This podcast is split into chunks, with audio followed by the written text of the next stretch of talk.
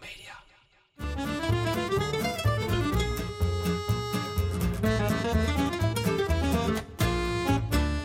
Ik ben Julius Jaspers en ik ben meer dan dol op eten. Iedere week pak ik één product uit mijn voorraadkast en zal jullie daar alles over vertellen. Vandaag is dat ahornsiroop. Ahornsiroop. Ik ben er dol op. Het is zoet zonder dat het echt zoet is, zoals suiker dat wel is. Het is eigenlijk een soort zoet met een verdieping. Karamel en vanilletonen. Heerlijk. Sinds ik wat meer oplet op wat ik eet en drink, heeft de ahornsiroop de suiker bij mij bijna volledig verdrongen. En ik leg zo uit waarom. Het spul kent, door die verdieping in de smaak, een breed scala aan toepassingen in zowel zoete als ook in hartige gerechten en heeft een unieke smaak. Ik eet het een enkele keer bij het ontbijt, als een van onze kinderen per se pancakes wil eten. Je weet wel, die Amerikaanse fluffy deegschijven. En ik gebruik het wekelijks in mijn kaneelcake. Het recept gaf ik een paar weken geleden in mijn podcast over amandelen. Ik zet het ook vaak in bij de barbecue. Noem het een geheim wapen. In marinades is het een fijne. Maar wat te denken van mijn krokante kippendij met wafels en ahornsiroop. Straight uit mijn boek De Grillbijbel. Echt super lekker. Hartig en zoet. Hebben we het straks nog even over. Ahornsiroop is ook wel bekend als esdoornsiroop, in het Engels maple syrup. En is een natuurlijke zoetstof die wordt gewonnen uit het sap van de suikerahornbomen. Acer sagarum. En soms ook uit rode esdoorn, de maple tree. Denk je aan ahornsiroop, dan denk je ook meteen aan Canada. Je kan daar geen straat inlopen zonder dat de maple syrup je om de oren vliegt. De siroop heeft een rijke geschiedenis die teruggaat tot de inheemse volkeren van Noord-Amerika. We noemden die vroeger Indianen, zoals de Ojibwa, de Algonquin en de Mohawk. Zij weten al eeuwen hoe ze het sap van suikerahornbomen moeten verzamelen en verwerken tot siroop en suiker. Ik leg straks uit hoe dat precies gaat. Zij gebruikten het zoete sap natuurlijk als voedselbron. Maar het was ook verdomde handig en waardevol toen de Engelse kolonisten net aankwamen in het beloofde land, de US of A. Ahornsiroop werd direct ingezet als ruilmiddel. De inheemse bevolking noemde de siroop het vloeibare goud, maar dan zoeter. Dat ahornsiroop waardevol is, blijkt wel uit de grootschalige diefstal in 2012. In Quebec, Canada, werden over een x aantal maanden rond de 9000 vaten gestolen met in totaal een marktwaarde van 18,7 miljoen Canadian dollars. Diefstal kwam aan het licht toen een inspecteur van maple syrup een fabriek binnenkwam, op een vat ging staan en er zo doorheen zakte. 6000 van die vaten bleken leeg te zijn. De politie arresteerde 17 mensen. Tel uit je winst. Goed, na de Europese kolonisatie van Noord-Amerika, denk aan Columbus die daar vanaf 1492 mee startte, gingen de kolonisten op een gegeven moment zelf de siroop maken en werd het vanaf de 17e eeuw een belangrijk handelsproduct. De meeste productie van ahornsiroop vindt plaats in Quebec, Canada. Door de eeuwenoude traditie heeft die provincie onwijs veel bomen kunnen planten, die nu allemaal bruikbaar zijn voor de productie. Ahornsiroop wordt ook op andere plekken in Noord-Amerika geproduceerd. Denk dan aan Vermont en Ontario. Als je daar een esdoorn in de tuin hebt staan, is het de moeite van het proberen zeker waard. Maar besef je wel goed dat een boom eerst 40 jaar oud moet worden voordat je kan gaan tappen. De productie van ahornsiroop laat zich omschrijven als een drietrapsraket en begint natuurlijk bij de bron, de boom. Het productieproces begint meestal in de late winter tot het vroege voorjaar, wanneer de temperaturen s'nachts onder het vriespunt dalen en overdag boven het vriespunt uitkomen. Er worden dan gaten geboord in de suikerahornbomen en esdoorns, waar speciale tapkranen in worden geslagen om het sap op te vangen. Het sap stroomt in een soort afgesloten emmer of container en dat kan zomaar 4 tot 6 weken duren. Het is helder, licht zoet, maar smaakt nog lang niet naar de goddelijke siroop.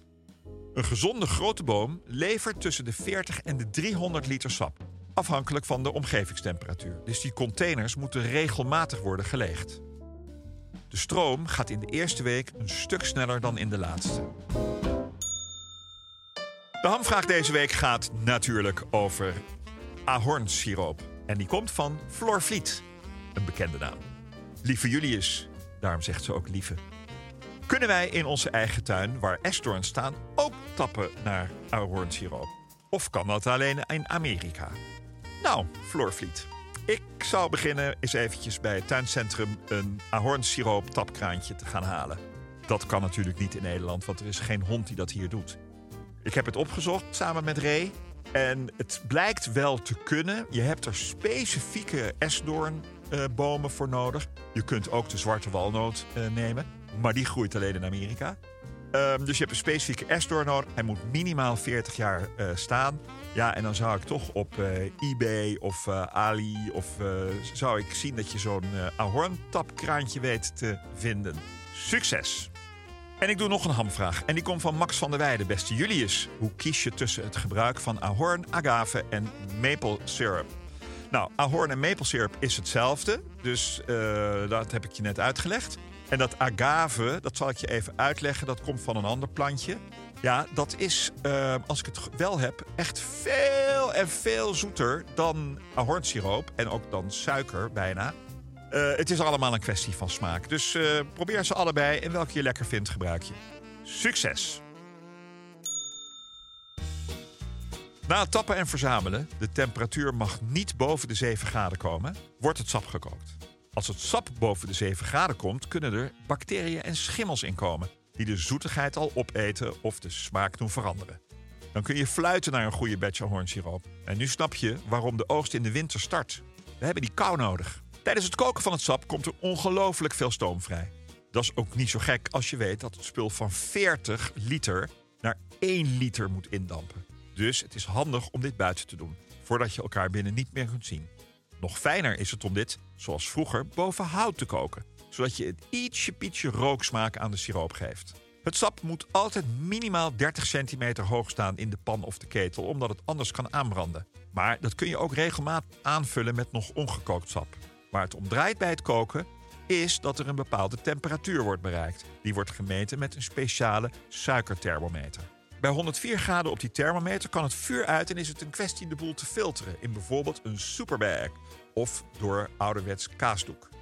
De siroop moet nog wel goed heet zijn, zo'n 85 graden, en de filter moet even worden voorverwarmd in heet water, zodat hij goed open staat als het ware. Als je het hierna warm overschenkt in gesteriliseerde flessen of potten, die al eerder zijn uitgekookt in soda en daarna heet zijn afgespoeld, kun je het spul, mits afgesloten, vrij lang bewaren. Ik zal nog even terugkomen waarom ahornsiroop bij mij de suiker bijna volledig heeft verdrongen. Ahornsiroop heeft, in tegenstelling tot alle kunstmatige zoetstoffen, een aantal prima voedingsstoffen zoals calcium, magnesium, kalium en wat antioxidanten. Vooral de laatste zijn fijn en helpen tegen beroertes en hypertensie en zijn prima voor de hersenen, waarvan akte. Het wordt veel ingezet in combinatie met citroensap voor detoxen, ontgiften van je lichaam. En worden gifstoffen die over zijn van ons veel te rijke dieet snel geëlimineerd. Het heeft natuurlijk nog steeds een hoog suikergehalte. Denk aan 266 calorieën per 100 gram. Maar suiker heeft er 400 per 100 gram. En ook in de koolhydraten scoort ahornsiroop beduidend lager. 67 in plaats van 100 per 100 gram. Ahornsiroop is toch steeds zoet. Dus ga nou niet allemaal volle bak aan de mepel, maar toch. Wat betreft de smaak heeft het voor mij een dusdanige verdieping dat ik er veel minder van gebruik. Ja, en verder vind ik het gewoon lekker. Ahornsiroop is geen goedkoop product. En zoeken naar de goedkoopste leidt snel naar suikersiropen waar ahornsiroop aan is toegevoegd. Waak daarvoor. De siroop wordt geclasseerd in drie categorieën, waarbij A de beste kwaliteit en dus ook de duurste is. B is goedkoper en wat donkerder en C is nog goedkoop. Omdat ik de combinatie ahornsiroop met hartig zo lekker vind, heb ik in mijn grillbijbel een recept opgenomen van krokante kippendij met wafels en ahornsiroop. De kip, dij natuurlijk, want die wordt nooit droog, wordt door de cornflakes gerold en daarna gegrild op de plancha.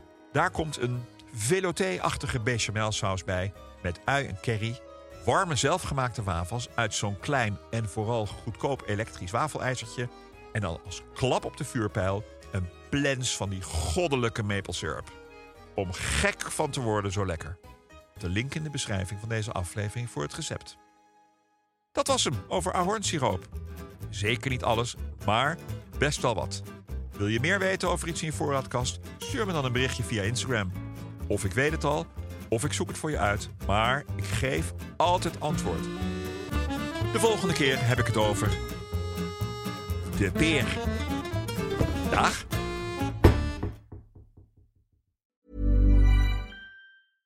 In Avenlies lossen het wel weer op, bespreken we onze eigen problemen. En die van andere mensen. Want wat moet je nou met vrienden waar je geen zin in hebt? Kinderen die verslaafd zijn aan hun telefoon. Met Eh, verschrikkelijke schoonvaders. Of je seksverslaving. je faalangst. Je faal. We lossen het allemaal op. Dus eh, ik zou zeggen, luister. Yes. Elke week zijn we er. Avenlies lossen het wel weer op.